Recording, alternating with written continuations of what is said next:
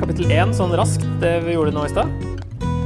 Um, og så er det en sånn der, litt spesiell bruk av Salme 8 i kapittel 2, der han da um, ja, på en litt overraskende måte uh, bruker det som et argument. Uh, Salme 8 er jo det han siterer fra vers 6 her. Uh, og så sier han da dette er det én som har vitnet om et sted. Det er jo sånn veldig løst sitat. Det er, liksom, det er jo selveste David, liksom. Men eh, jeg gidder ikke å si det. Det er en eller annen som har sagt et eller annet sted. Og så siterer han sånn måte. Hva er et menneske? At du husker på det. En menneskesønn, at du tar deg av ham. En kort tid har du stilt ham lavere enn engler, men du har kronet ham med herlighet og ære. Alt har du lagt under hans føtter. Eh, så er jo spørsmålet er dette her om mennesket generelt, eller er det om Jesus? For i utgangspunktet så er det jo egentlig ikke om Jesus, den salmen her. Det var ikke en sånn messiansk salme i utgangspunktet. Og la dere merke til en forskjell fra sånn dere, hvis dere er kjent med den salmen her. Hvordan uh, den vanligvis uh, gjengis. Eller hvis man slår opp i salme 8, så er den litt annerledes på et, uh, en linje, i hvert fall. Det kommer vi straks til. Men eh, selv om det her er eh, om mennesker generelt, så ser vi jo andre steder, både Paulus i 1. Korinterbrev og Efeserbrevet, eh, bruker Salme 8, og i sammenheng med Salme 110, om Jesus. Og så bruker han nå Salme 8, virker det som, i hvert fall det her med alt skal bli underlagt eh, Alt har du lagt under hans føtter. Det brukes om Jesus i Filipperne, og også av Peter i 1. Peter. Så det er flere som har sett en Jesus-link her, selv om det egentlig er om mennesket som har fått forvalteransvaret for uh, alt skaperverket, og som skal um, som har, Alt har blitt lagt under menneskets føtter, på en måte. Um, så her så virker det som han kjører litt sånn dobbelt mellom å snakke om både mennesket og Jesus da Gud la alt under ham, da var ingenting unntatt. Er det mennesket han, eller er det Jesus han? Det er liksom, hva er det han egentlig vil si her? Eh, det som er forskjellig da, fra Salme 8 på hebraisk, eh, som vi har i GT, det er vers 7, som står her 'en kort tid lavere enn engler' på gresk. Mens på hebraisk så står det 'litt lavere enn Gud'. Så det er to forskjeller. Det er både en kort tid, at han bruker det om tid. Det er, det er umulig å tolke på to måter. Både som litt lavere og en kort tid lavere. Og han velger da å bruke tidstolkningen. Og så er det engler eh, på gresk, eh, som de forsto det som, og som noen engelske bibler faktisk har oversatt Salme 8 med engler da, i stedet for Gud. For det er jo dette ordet Elohim som kan brukes om begge. Brukes mest om Gud. Veldig vanlig ord for Gud, men det kan brukes om engler. Eh, så det er på en måte ikke feil. men eh, uvant, da. Og spesielt når han lager et poeng ut av det, som da ikke ville funke fra hebraisk. Eh, det er ikke noe sånn revolusjonerende i det hele tatt. Du finner det andre steder i Bibelen. Men han, eh, han bruker Skriften på en annen måte. Eh, for poenget hans er jo da at Jesus ble For en stund så var han lavere enn engler. Men han er jo egentlig større enn englene. Han er jo egentlig Gud, men for en kort tid så ble han lavere enn engler. Og for så vidt òg lavere enn Gud, da, siden Gud er over englene. Men at det handler om tid på gresk, eller for han i hvert fall, mens det på hebraisk handler om rang. da. Så er for så vidt begge deler sant, men han legger vekt på tidsaspektet og englene. Um, og så tolker han Jesus som oppfyllelsen av mennesket, kanskje generelt. Da. Jesus er det fullkomne mennesket som oppfyller Guds plan for menneskene ved at han kjører litt sånn dobbeltløp her. Eh, han ender jo virkelig med Jesus i vers 9, men Jesus, som for en kort tid var stilt lavere enn englene, ham ser vi nå kronet med herlighet og ære fordi han led døden. Slik skulle han ved Guds nåde smake døden for alle. Så Det er jo dit han vil, og dit kommer han. Men før det så er det litt sånn der Mener du menneske, eller mener du Jesus? Um, og så er jo kanskje poenget at ingen kan hevde at han er lavere enn englene fordi dette var bare midlertidig. At han var, mens han var på jorda, at han var en kort tid lavere enn engler.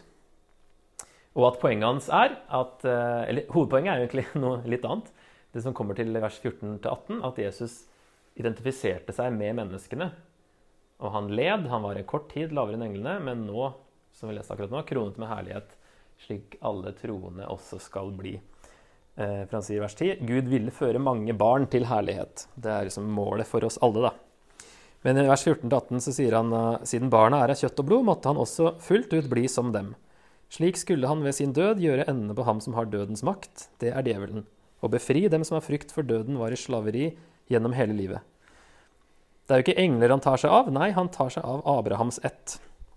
Derfor måtte han på alle måter bli lik sine søsken, så han kunne være en barmhjertig og trofast øversteprest for Gud og sone folkets synder. Fordi han selv led og ble fristet, kan han hjelpe dem som blir fristet. Det er egentlig det som er poenget hans, tror jeg. Så bruker han salmen på en litt annen måte, men for å få fram det at Jesus ble et menneske og oppfylte på en måte Salme 8, som gjelder alle mennesker generelt.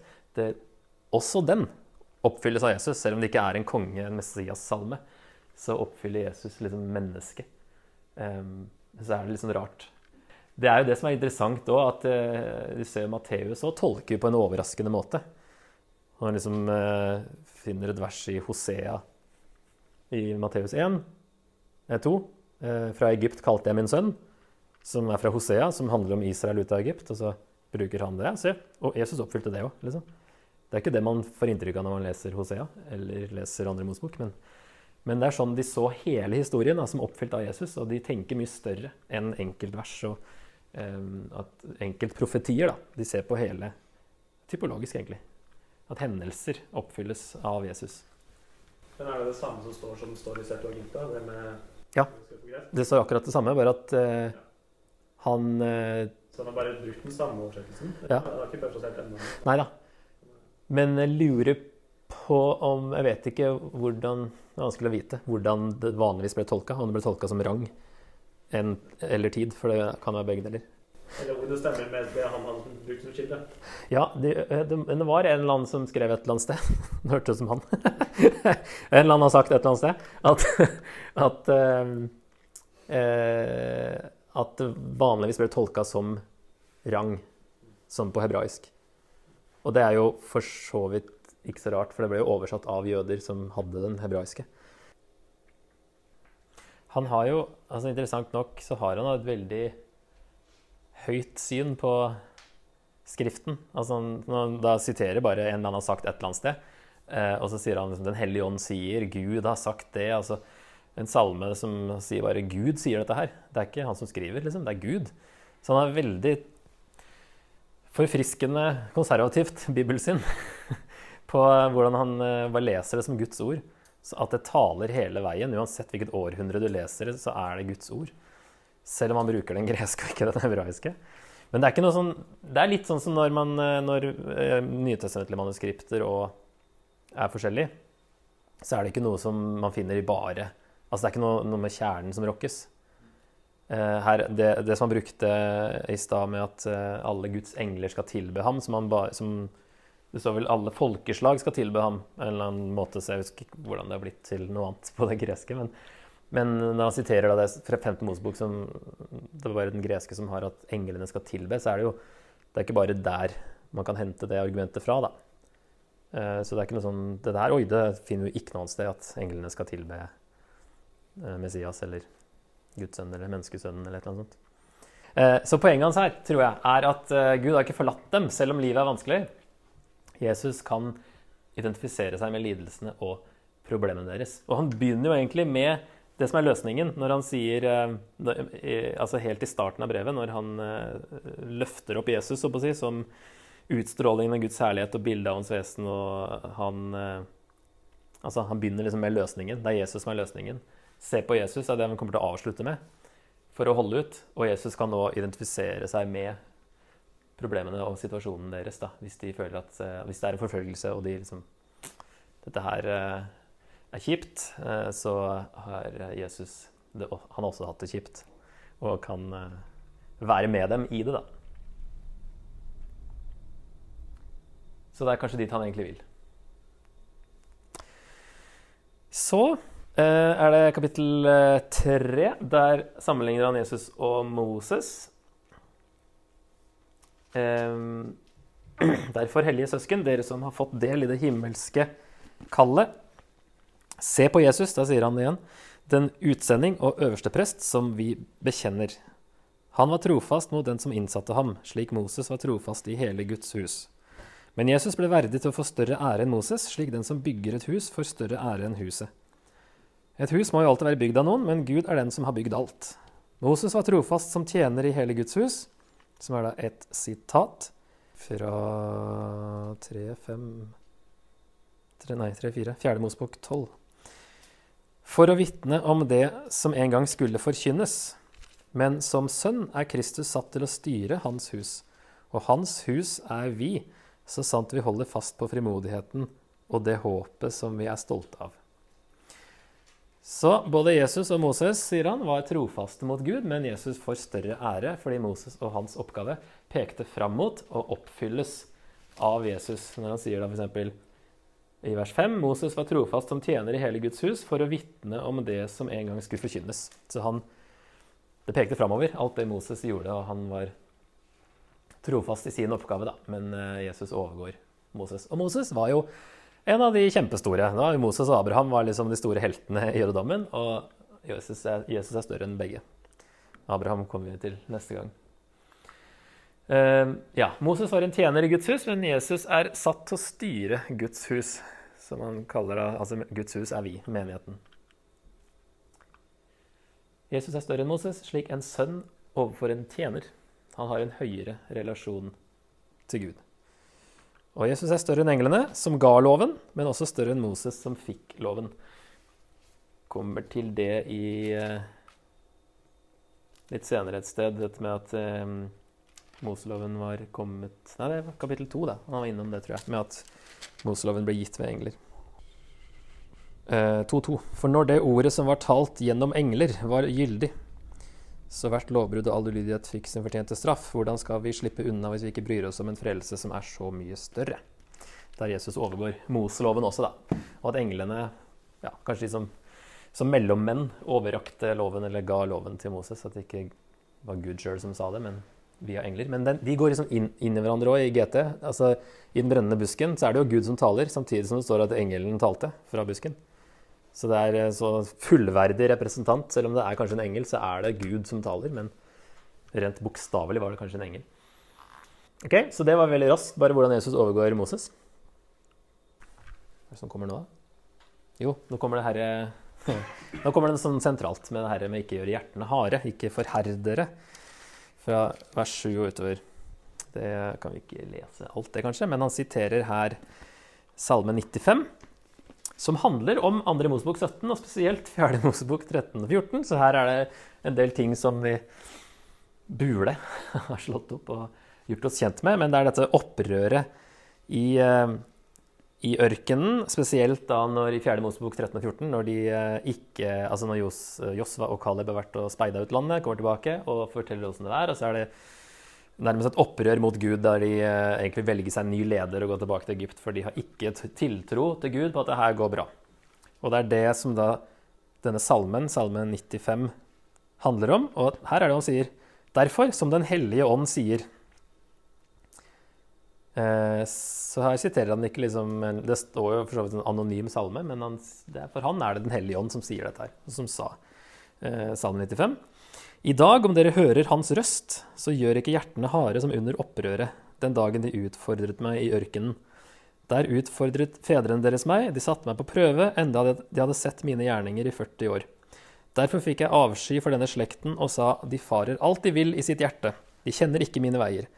Så sverget jeg i min vrede, aldri skal de komme inn til min hvile. Og så er eh, anvendelsen av det i vers 12, da. Se til, søsken, at ingen av dere blir onde og vantro i hjertet og faller fra den levende Gud.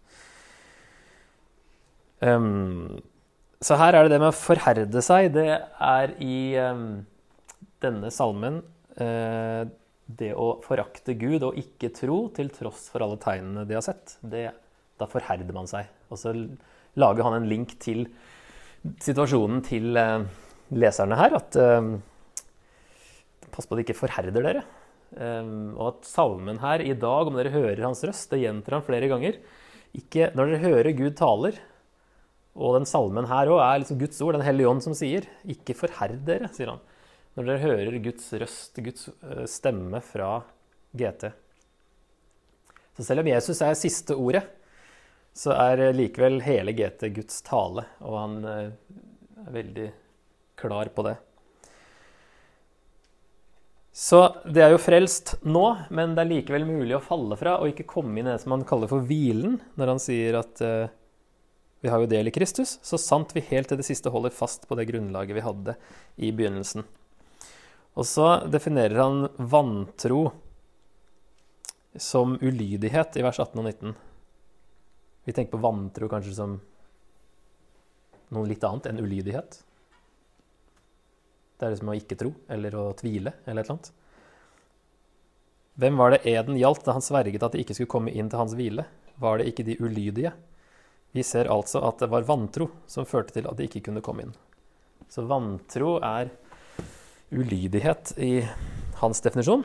Og i 4. Mosebok 14 så er vantro det å ikke Det er ikke det å, det er ikke, å ikke tro at Gud finnes. Skjønte du den?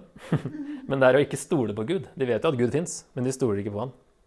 Så vantro er ikke å ikke tro at Gud fins, eller at tro at Gud ikke fins. men det er å ikke stole på Gud. Så det motsatte av tro i Bibelen er mistillit. Ofte forbundet med frykt. Derfor sier jo Jesus, eh, 'Hvorfor er dere så redde? Har dere ingen tro?' Eh, frykt ikke, men tro på meg. Og da står jo Jesus rett foran dem når han sier liksom 'tro på meg'. Ja, vi tror på deg, vi vet at du fins. Men altså, det handler om å ha tillit. Det er jo det som er egentlig sier litt mer, da. Ordet tro sier altså, Hvis man oversetter det med tillit i bibelsk definisjon, det sier mye mer at vi, det er ikke bare å tro på Gud, men vi har tillit til Gud, og at Gud det han sier, er sant, og det, han, det Jesus gjorde, det, det holder.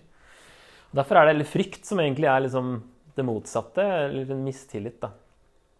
Så det vantro her og ulydighet i deres situasjon ville være at de kanskje ikke stoler helt på Gud, at Gud vil være med dem gjennom vanskelighetene, kanskje. Så han sier dere må holde fast på Jesus. Guds siste ord, stole på han og være lydige mot han. Å vende tilbake til jødedommen vil være ulydighet. Hvis det er det som er deres deres Dere står på valg over, eh, foran. Så det handler en del om sånn forherdelse, å gjøre hjertene harde. Og han sier at det er en fare i det. Det å liksom velge og nå skal vi ikke være kristne til forfølgelsen gir seg, så er det et valg som gjør at du må forherde et eller annet, virker det som da. Så det er, liksom, det er ikke bare bare å kaste bort Jesus. Du, du må gjøre Det skjer et eller annet du må gjøre deg hard på en eller annen måte. Og så sier han det er en fare, for det kan hende du ikke kommer tilbake. Det kan hende du ikke klarer å komme tilbake, eller at ja, vi kommer til det. Hva som ligger i den der advarselen i kapittel 6. Um, så kommer han til det her med hvilen, da. Som uh, en fin benk som symboliserer hvile. For han sier jo at uh, de skal aldri ikke komme inn til min hvile, er jo det Gud sa. Og den hvilen er òg en sånn link fra GT. Um, både at det er Guds egen sabbatshvile, som alltid har vært tilgjengelig ved tro siden verden ble skapt. Mange fikk muligheten i GT, symbolisert med det lovende land. Det lovede land er det han bruker her som eksempel, men de kom ikke inn pga. vantro eller ulydighet. Og denne hvilen er fortsatt tilgjengelig for den som tror. Altså, når man tror, så kommer man på en måte for en del i Guds sabbatshvile. Gud har hvilt siden den sjuende dagen. Um, fra 4.1.: La oss altså være på vakt, så det ikke skal vise seg at noen av dere blir liggende etter, siden løftet om å komme inn til Guds hvile fortsatt gjelder. Så det er liksom noe som alltid gjelder. Um, og så står det Guds gjerninger i vers, eh, slutten av vers 3. Guds gjerninger var riktignok fullført da verdens grunnvoll var lagt. For et sted har han sagt om den sjuende dagen Bare et eller annet sted. Så hvilte Gud på den sjuende dag fra alle sine gjerninger. Men her sier han aldri skal de komme inn til min hvile. Altså står det fortsatt igjen at noen skal komme inn til hvilen. For de som først fikk det gode budskapet, kom ikke inn pga. ulydighet. Derfor fastsetter han på nytt en dag i dag når han lang tid etter gjennom David sier dette som vi alt har nevnt. I dag, om dere hører hans røst, så gjør ikke hjertene harde. For hvis Josva hadde ført dem til hvilen, ville ikke Gud senere ha talt om en annen dag. Altså er det fremdeles en sabbatshvile i vente for Guds folk. Den som kommer inn til hans hvile, får jo hvile fra sine gjerninger, slik Gud hvilte fra sine. Litt komplisert, men det er liksom frelsen er både Guds sabbatshvile og landet symboliserte denne hvilen. Som blir at landet er et jordisk bilde på frelsen, egentlig. Og at frelsen sammenlignes med sabbatshvile. Og så er det en sånn eh, gresk link igjen, at på både hebraisk og gresk så er jo Josva og Jesus samme navn. Sånn at her blir det at Jesus 2, den hvilen som Jesus 2, Jesus den andre, selveste Jesus, da, gir, den overgår den hvilen som Jesus den første, altså Josva, kunne gi dersom de hadde trodd. Så landet, hvilen i landet, peker framover på noe mye større som kommer med Jesus. Og så har det alltid kommet an på tro hele veien. Selv om vi hadde loven og hva som helst, så er det alltid tro, og at man har tillit til Gud, og at han er til å stole på. Ja, vi må ta det her, vet du. Det er noe av det kjente, kanskje. Guds ord. For Guds ord er levende og virkekraftig og skarpere enn noe tveegget sverd. Det trenger gjennom til det kløver sjel og ånd, marg og bein, og dømmer hjertets tanker og planer. Ingen skapning er skjult for ham. Alt ligger åpent og nakent for øynene på ham som vi skal stå til regnskap for. Det sier han etter at han har snakka om det her eh, sabbatshvilen osv., eller hvilen som de eh, Frelsen, da, som en hvile. Um, La oss derfor ivre etter å komme inn til denne hvilen, så ingen faller fra pga. samme slags ulydighet. For Guds ord er levende og virkekraftig og skarpere osv. Her er det jo ikke Bibelen han snakker om egentlig. Han snakker jo om Guds ord som Guds tale. Han har jo akkurat sitert denne salmen, salmen 95. Eh, I hvert fall den han tenker på. At eh, dette er Gud som taler. Ikke forherd dere når Gud taler. Eh, og at vi må ivre for å komme inn til hvilen og ikke være ulydige. Altså, men la, la Guds ord tale til dere, så dere ikke forherder dere. Um, ja, Guds ord, Salme 95 osv. Selv om det her er mange hundre år senere, så, så, er det at vi kan høre Guds røst i Guds ord. Og det er ikke så rart. Det henger jo sammen. Uh, stemme og ord. Uh, og så sier han Gud ser alt, og hans ord trenger gjennom alt. Det er jo det som er poenget her. Det sverdet som skarpere enn noe tveegget sverd. Det trenger gjennom til det kløver sjel og ånd. Det går jo ikke an å si hvordan Det er bare Gud som kan gjøre det. Men det er jo et, et bilde på at det her det går gjennom alt. altså Både sjel og ånd. Eh, dømmer hjertets tanker og planer. Gud ser alt, vet hva dere tenker på. Eh, la Hans ord nå nå inn til dere, så dere ikke gjør det dere har tenkt. Alt ligger åpent og nakent for øynene på ham, som vi skal stå til regnskap for. Eh, ja, så Han siterer Guds ord for at det skal tale til dem og forhindre dem å stå imot Gud og falle fra. Kanskje det er et sånn kamuflert frafall. Et veldig sånn kløktig uttenkt uh, escape fra forfølgelse. Uh, som han også er imot, da, i så fall. Det blir bare spekulasjon det, om det er noe sånt de har tenkt. Men i hvert fall han virker som han siterer Gud for at Gud skal få tale til dem. Siterer Bibelen, siterer salmen, for det er Guds røst i Guds ord. Og det kan jo nå brukes om hele Bibelen som Guds ord, som fortsatt taler til oss. Så det er jo helt riktig å bruke det om hele Bibelen, for hele Bibelen er Guds ord. Men for han som skriver, så var det jo ikke samla på samme måte. Men alt som Gud har sagt til da, var Guds ord. Så det er jo et vers som ofte brukes om Bibelen, selv om det da blir liksom i ettertid at vi kan bruke det på den måten. Um, så anvendelsen av det er at det er viktig å lytte lytte til Guds ord i Bibelen. Og så er det jo samme ord, egentlig, å adlyde, både på gresk og hebraisk. Det er i hvert fall en link på gresk, og det er samme ord på hebraisk, tror jeg. Lytte, når du lytter, så adlyder du. Um, så det er, det er, ikke bare å høre, men du må gjøre. Og at det er uh, det han gjerne vil her, da, med å sitere og få dem til å kjenne det. At de må gjøre noe med det. Uh, og så er det en interessant link også at i 4. Mosebok 14, den historien der denne forherdelsen skjer i ørkenen, så etter de liksom har innsett at eh, OK, vi skal ta, innta landet, og så går de i egen kraft, så å si, og så sier Moses nei, Gud er ikke med dere. Ja, vi går likevel. Det er bare sånn dobbelt dumhet, liksom. Først å stoler de ikke på Gud, og så skal de gå uten Gud. Og så blir de jo drept for sverd av uh, amalekitten og et eller annet annet. Så det er liksom en sverdlink òg til fjerde Mosebok. Så kanskje han da sier at Guds ord er skarpere enn noe sverd, og til og med tveegga sverd. så det her Gud skjærer gjennom alt. Um, som kanskje han ja, bygger det på fjerde Mosebok 14. Um, jeg syns det her er veldig interessant. da, At Guds ord er levende og virkekraftig. At Bibelen er levende og virkekraftig. og Spesielt når det kommer til Nå blir det litt sånn anvendelse, og vi er jo snart på slutten, så det passer bra. Når det kommer til uh, hva, hvordan vi bruker Bibelen da, i, uh, som kristne og i menighet. Um, F.eks. sier 1. Peter at uh, den som taler, skal se til at han taler som Guds ord. Det er, liksom sånn, det er jo mye lettere å gjøre det hvis du bruker mye Bibelen. Det syns jeg i hvert fall. At det er jo et kjempe Den som taler, skal se til at han taler som Guds ord. Ja, da Hvis du bygger det på egen visdom eller egne tanker eller et eller annet, så, så er det større risk for at du ikke taler som Guds ord. Um, og så er det andre sitater her. Our responsibility is to get God's word to their ears. Only God can get the word from their ears to their heart. Men det er liksom det å få ordet ut til å virke. Det er virkekraftig, men det må liksom bli um, presentert.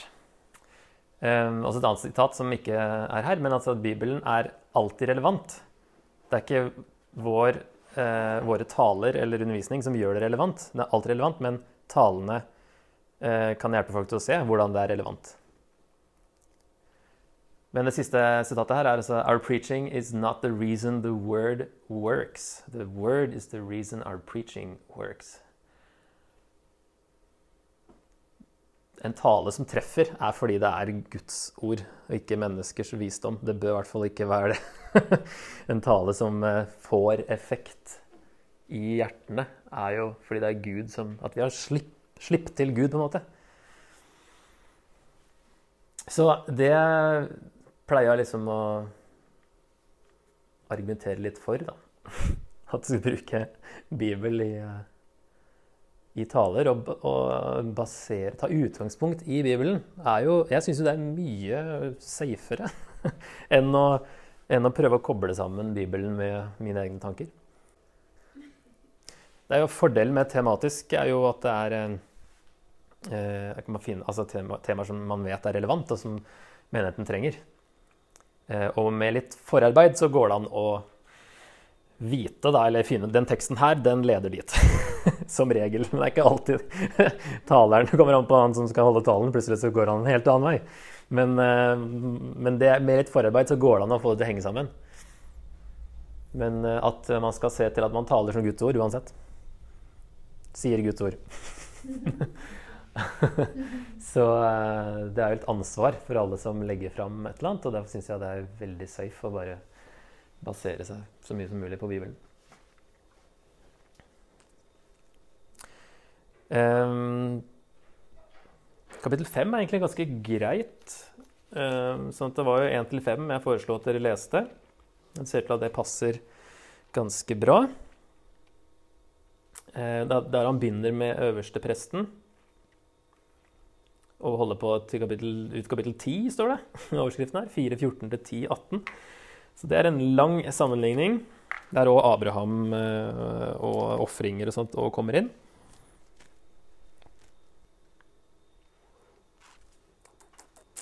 Han gjentar i hvert fall i 4.15 at uh, vi har ikke en øverste prest som ikke kan lide med oss i vår svakhet, men en som er prøvet i alt på samme måte som vi, men uten synd. La oss derfor frimodig tre fram for nådens trone, så vi kan finne barmhjertighet og finne nåde som gir hjelp, gir hjelp i rette tid. Og så begynner han å snakke om øverstepresten og hvordan, med, hvordan Jesus sammenlignes med øverstepresten i den gamle pakt.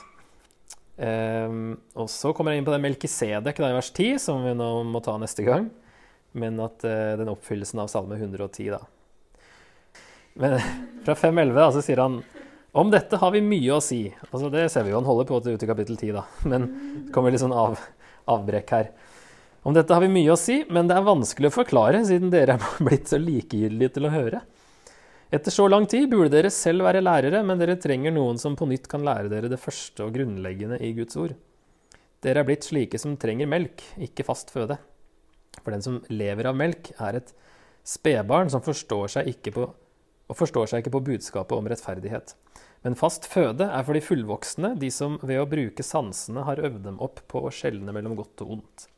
Derfor skal vi nå gå videre fra det første vi lærte om Kristus, fram til full modenhet. Vi vil ikke på nytt legge grunnvollen med omvendelse fra døde gjerninger og tro på Gud, med undervisning om renselsesbad og håndspåleggelse, om de dødes oppstandelse og om evig dom. Det er altså de elementære tingene. Slik skal vi gå videre om Gud vil. Når noen en gang er blitt opplyst og har smakt den himmelske gave og fått del i Den hellige ånd, har smakt Guds gode ord og den kommende verdens krefter, og så faller fra, da er det umulig å fornye dem så de igjen vender om. De korsfester Guds sønn på nytt og gjør ham til spott. Når en åker drikker regnet som stadig faller på den, og bærer grøde til nytte for dem som dyrker den, får den velsignelse fra Gud. Men bærer den torn og tistel, er den til ingen nytte. Forbannelsen er ikke langt borte, og det ender med at åkeren blir svidd av. Men når det gjelder dere, mine kjære, er vi overbevist om at det står bedre til, og at dere er på frelsens vei, selv om vi taler som vi gjør. Så han eh, tar i skikkelig, og så sier han etterpå liksom, ok, heldigvis er det ikke så ille med dere. Men det virker som han vil advare dem da, mot dette her valget som de står på. Og så prøvde jeg å sette opp eh, litt sånn eh, Hvordan setningen er bygd opp. For han begynner med å si egentlig med ordet 'umulig'. På gresk står det til og med før ordet 'for', fordi 'for' står aldri først. umulig for. Altså er det er liksom underforstått, da. Så det er, liksom, det er umulig som er tyngdepunktet i setningen. Det er umulig. Og de, fordi Altså, ja, verbet kommer jo liksom langt nedi her. Men eh, det gjelder de som én gang, og jeg tror egentlig det én gang for alle, har blitt opplyst. Altså det er en sånn engangshendelse. Det er ikke noe som de som en gang ble det, men det er de som én gang har blitt opplyst, og det bruker han senere som en, det å egentlig bli frelst. Det å få liksom den sanne Det lyset som uh, lys... Nei, hva heter det? det sanne lys som Johannes 1. Ja, men dette med opplyser hvert menneske, står det det? Det er jo samme ordet tror jeg, som brukes, og det er sånn, litt sånn filosofisk ord med å få enlightenment. Men uh, ja, liten, bitte liten digresjon her. Uh, det sanne lys som lyser for hvert menneske, kom nå til verden i Johannes 1,9. Um, så det er liksom den, det å, å for, se lyset. ikke sant? Det er frelsen. Har blitt opplyst én gang. Har smakt den himmelske gaven, fått del i Den hellige ånd. Og har smakt to ting til. Guds gode ord og den kommende verdens krefter. Og falt fra. Da er det umulig å igjen fornye til omvendelse, disse her. Fordi de kors, korsfestende på nytt for seg. Det er dårlig norsk her, men fordi de da korsfester som en vedvarende handling. Korsfester Jesus på nytt. For seg, eller i seg, eller Det litt, kan være forskjellige oversettelser. Og gjør da Jesus, Guds sønn, til spott. Det er liksom en kraftig advarsel her, den første. Så nå kommer den andre i kapittel 10. Um, de som står i fare for å avvise Jesus like bevisst som Nei, de som de står i fare for å avvise Jesus like bevisst som de som drepte ham, gjorde. De stiller seg blant Guds fiender, men i tillegg har de trodd at Jesus er Guds sønn. Og kanskje de fortsatt tror det òg, men han sier i hvert fall at det her er eh, kraftig et eh, veldig alvorlig valg. da. Understreker alvoret i det de vurderer. De må ikke ta lett på frelsen og tro at det bare er å komme tilbake senere. Hvis du liksom Du vet virkelig hva du går ut på, og så velger du å falle fra Ehm, da er det umulig. Er det han eh, Altså, det er jo en advarsel her. Han sier jo etterpå ikke sant? Eh, ingen av dere har kommet hit. Det står bedre til hos dere. Heldigvis. Også at eh, selv om vi taler som vi gjør, selv om jeg sier det så hardt som dette her, så vet jeg at det står bedre til, og dere er på frelsens vei. Eh, og så sier han at eh, vi ønsker bare vers 11, vi ønsker bare at hver og en av dere helt til det siste må vise like stor iver etter å bevare håpets fulle overbevisning. Da må dere ikke være likegyldige, men ha dem til forbilde som av tro og utholdenhet arver det som Gud har lovet. Jeg vil bare det. Jeg vil bare at dere skal holde ut. Derfor sier jeg det så kraftig. Dere, egentlig, dere står bedre til, det står bedre til hos dere, men han vil bare at de ikke skal finne på dette her, da. Ehm, det er et sånt frafall han ønsker å avverge. Og derfor har han kanskje sagt det på en litt annen måte hvis de hadde allerede falt fra på en eller annen måte og ønska å komme tilbake. Men her er det, det er ingen som har gjort det her ennå. Men han sier liksom ja, ikke gamble på at det er lett å komme tilbake etterpå. Og det er det vi pleier å henge oss opp i. da. Er det umulig liksom, å komme tilbake? Hvis du velger dette her, da er det umulig å fornye dem, sier han. Så har jeg samla litt uh, syn på det her, for det er jo forskjellig. Uh, kommer det an på Gud? Et syn da. Uh, Gud vil ikke fornye dem selv om de omvender seg, siden de korsfestet Jesus på nytt og gjorde ham til spott. Og han, I kapittel 12 så snakker han om Esau som og angra seg og kom tilbake, men han kunne ikke få tilbake fødselsretten da. Da var det ferdig. liksom. Jeg vet ikke om det er en fullgod link, men han, han snakker litt med samme ord der, da. Så da et syn da, at Gud vil ikke gjøre det fordi de har liksom valgt dette her. Um, et annet er at dette er en utilgivelig synd fordi den undergraver frelsens fundament. Det er umulig for virkelig frafallende å erfare omvendelse igjen. Gud vil ikke tvinge dem inn i sitt rike. Altså det, da i så fall den eneste synd man ikke får tilgivelse for, er jo hvis man avviser Jesus, for da kan man ikke få tilgivelse. Da kan man koble det til spott mot Den hellige ånd og andre ting som sies andre steder. At det er den utilgivelige synden. Eh, rett og slett fordi det ikke går uten Jesus. da får du ikke tilgivelse. Men så er spørsmålet kan de få det hvis de vender om. Er det mulig å vende om? Um, og så er det en som mener at det er en liten retorisk overdrivelse uten å si bastant at dette er umulig for Gud. Men at han eh, vil få fram poenget at det, det er ikke tid og sted for å si at liksom, ja, men Guds nåde er stor, og det er alltid en sjanse å komme tilbake etterpå. Det er ikke det han vil få fram. ikke sant? Han vil virkelig bare advare. Ikke ta sjansen på at det er lett å komme tilbake. Fordi andre skole, andre retningen er at eh, er det umulig fordi de har forherda seg for mye til å omvende seg igjen. At det er derfor det er umulig. Fordi subjektet Det sier jo ikke hvem som er subjektet da er det et forslag at det er umulig siden de har vist at de er i stand til å vende seg bort fra sin største og mest livsforvandlende opplevelse. Da er det liksom det er deres skyld si, at det er umulig, når de klarer å vende seg bort fra det. Eller at uh, det er umulig fordi man ikke kan omvende seg uten å anerkjenne Jesus, som disse da ikke vil gjøre. Den henger jo litt sammen kanskje med den toeren der oppe. Eller eh, ingenting er umulig for Gud, men han gir oss ikke mye håp i å få tilbake de som inntar en varig og forherdet motstand mot Gud. De kan ha nådd et punkt hvor de er for forherdet til at noe kan skje. Og Det er denne forherdelsen som jeg tror han der vil advare mot. At de må Hvis de velger dette her, så forherder de i hvert fall en liten del av hjertet. Og at eh, det kan ha alvorlige konsekvenser. Da. Så det er liksom alt, altså Ingenting er umulig for Gud, står det andre steder. Uh, så da spørsmålet er liksom hva som gjør at dette her er umulig. Om, da, om man da kanskje bare utelater Guds nåde fordi han vil, uh, vil ikke at de skal gamble på det. Uh, jeg tror hovedpoenget hans er å si at det er veldig alvorlig å bevisst gå bort fra Kristus. Og så har jeg tenkt litt nede her. Det har skjedd at folk har falt fra å komme tilbake, men var det et frafall med vilje? Uten noen form for troskrise. da. For én ting er å liksom bare gli bort. Det er ikke det han snakker om. Han snakker om et virkelig bevisst valg. Du vet alt hva det her går ut på. Du har, du har kjent hvordan det er å ha en hellig ånd i deg. liksom. Eh, Få del i Den hellige ånd. Og så likevel velger du å gå bort. Det, da er det kanskje Da er det faktisk sånn en, en eller annen form for forherdelse som gjør at du ikke kommer til å komme tilbake, hvis du klarer å gjøre det. da. Ja.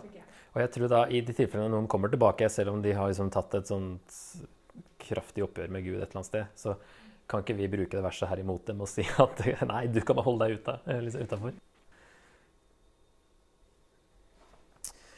Da ble det egentlig der vi liksom hadde litt sånn prosess på slutten her. Eh, kanskje ikke det mest sånn, oppløftende stedet å slutte, men det er en, det er en advarsel som passer brevet, for så vidt. da. Men det er jo noe